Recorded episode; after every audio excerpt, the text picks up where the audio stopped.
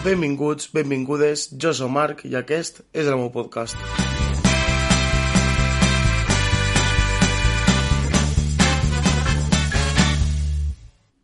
Bon dia, bona vesprada, bona nit. En el dia d'avui vaig a parlar-vos de com elegir una carrera i el que no teniu que fer a l'hora d'elegir una. Alguna vegada vos heu precipitat en la toma de decisions? I què passa quan penses que aquesta elecció és la millor? En tota la trajectòria educativa sempre te fan elegir entre unes assignatures optatives o itineraris. Jo, en quart de l'ESO, vaig tindre que elegir entre un científic o un humanístic.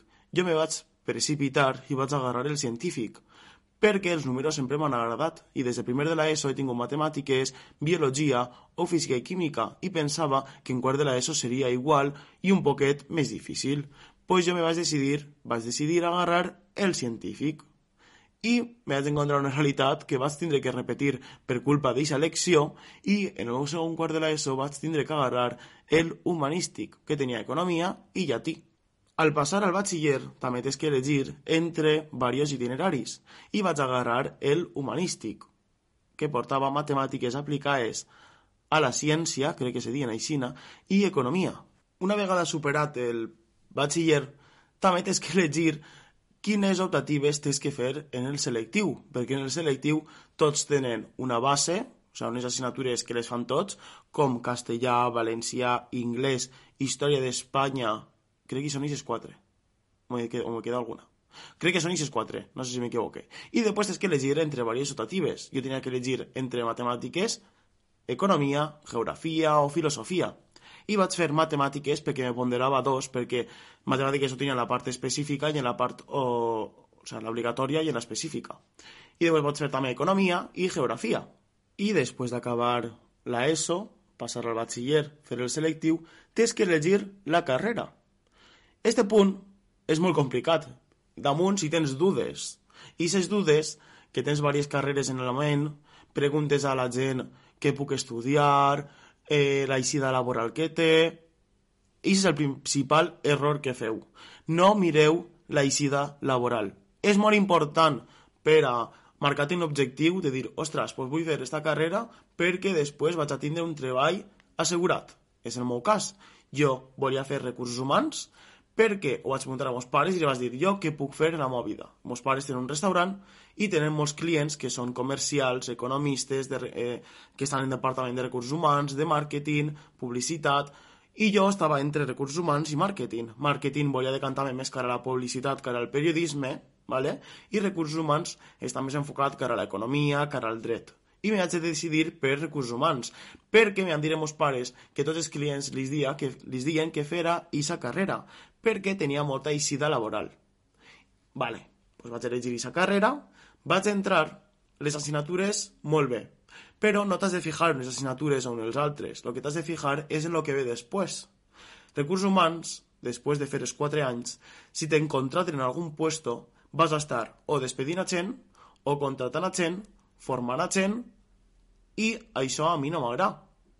I per què no m'agrada? Perquè no coincidís en la meva forma de ser. Jo no sóc una persona gens sèria, sóc molt extrovertit, m'agrada disfrutar de la vida, viure la vida, lo loco, i ja està. I que vinga lo que tinga que vindre. Però a vegades dius, hòsties, eh, sigues realista, saps? Sí, la carrera està molt bé, i després tinc treball assegurat, sí o sí, però te planteges i dius, a veure, això és realment el que a mi m'agrada? I, doncs pues no. Perquè jo vull algo que siga divertit, que, puga, que me puga permetir viatjar, conèixer món. I crec que el periodisme me pot proporcionar això. Després de conèixer la meva trajectòria educativa, vos vaig a donar uns consells a l'hora d'elegir una carrera o una altra.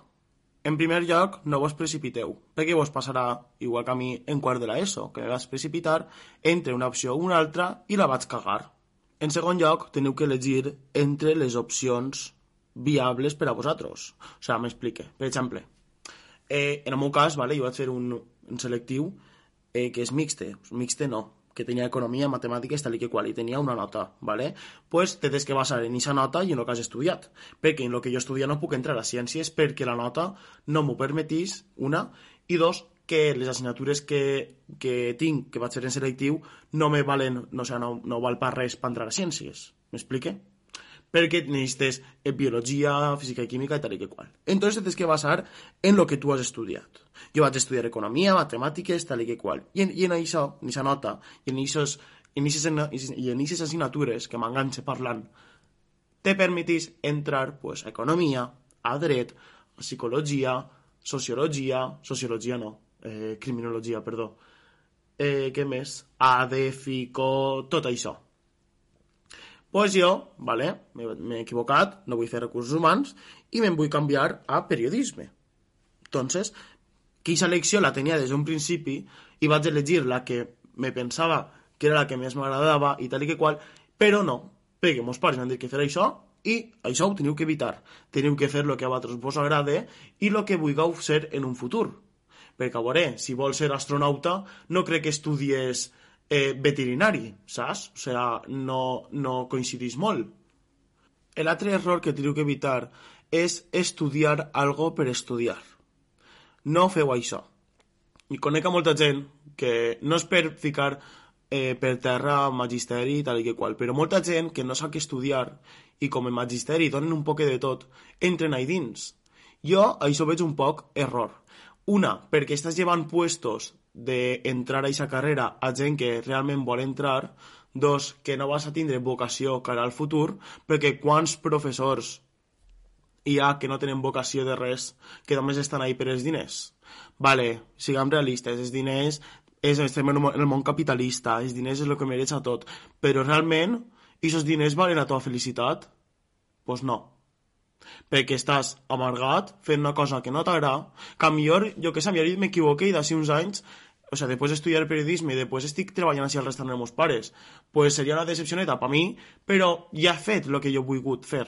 Entonces, i si no encontre treball, serà per la meva culpa, no per terceres persones. M'explique? O perquè no, o perquè no he provat a, fer, a intentar aquesta opció. Perquè jo, vale, ma mare me diu, eh, per què no te quedes en recursos humans, acaba la carrera, tal i que qual, i dic, mamà, és que no m'agrada. És que no és el meu cara al futur. És que, i, preferís, i, pre, i el millor que, que he fet és donar-me compte antes, que això és el millor que, que podeu fer. Donar-vos compte el primer any, perquè així vos canvieu i ja està, te quedes en les persones que has conegut, que gràcies a Déu he conegut a gent meravellosa en en la carrera, i és el que li plantejava a ma mare, és que dic, ostres, vale, ara acaba la carrera, pues m'enganxen, m'enxufen en alguna empresa o qualsevol puesto. I després, als 30 anys o als 40, dic, que he fet en la meva puta vida. He perdut eh, 20 anys de la meva vida fent una cosa que no m'agrada, vale, sí, a millor duc un BMW, però realment i si BMW va la meva felicitat? És que no... no. Una vegada te planteges això, ja dius, ui, algo tindré que canviar. Entonces mires les opcions i elegisses entre les millors. Si alguna vegada vos heu equivocat i heu estat en la merda per equivocar-vos en aquesta elecció, tinc que dir-vos que no passa res. Jo he viscut i l'experiència ha sigut un poc traumàtica, però divertida, perquè he, sigut, he, he sabut adaptar-me a la situació, afrontar una realitat que no volia afrontar-la, adaptar-me i tirar avant com és d'Alicant. En el tercer capítol d'aquest podcast vaig explicar-vos, vaig la meva experiència, com he viscut un selectiu i com tindré que afrontar un segon selectiu per les meues males decisions. Dóna per finalitzat aquest capítol. Moltes gràcies per escoltar-me. Jo sóc Marc i ens veiem a la pròxima.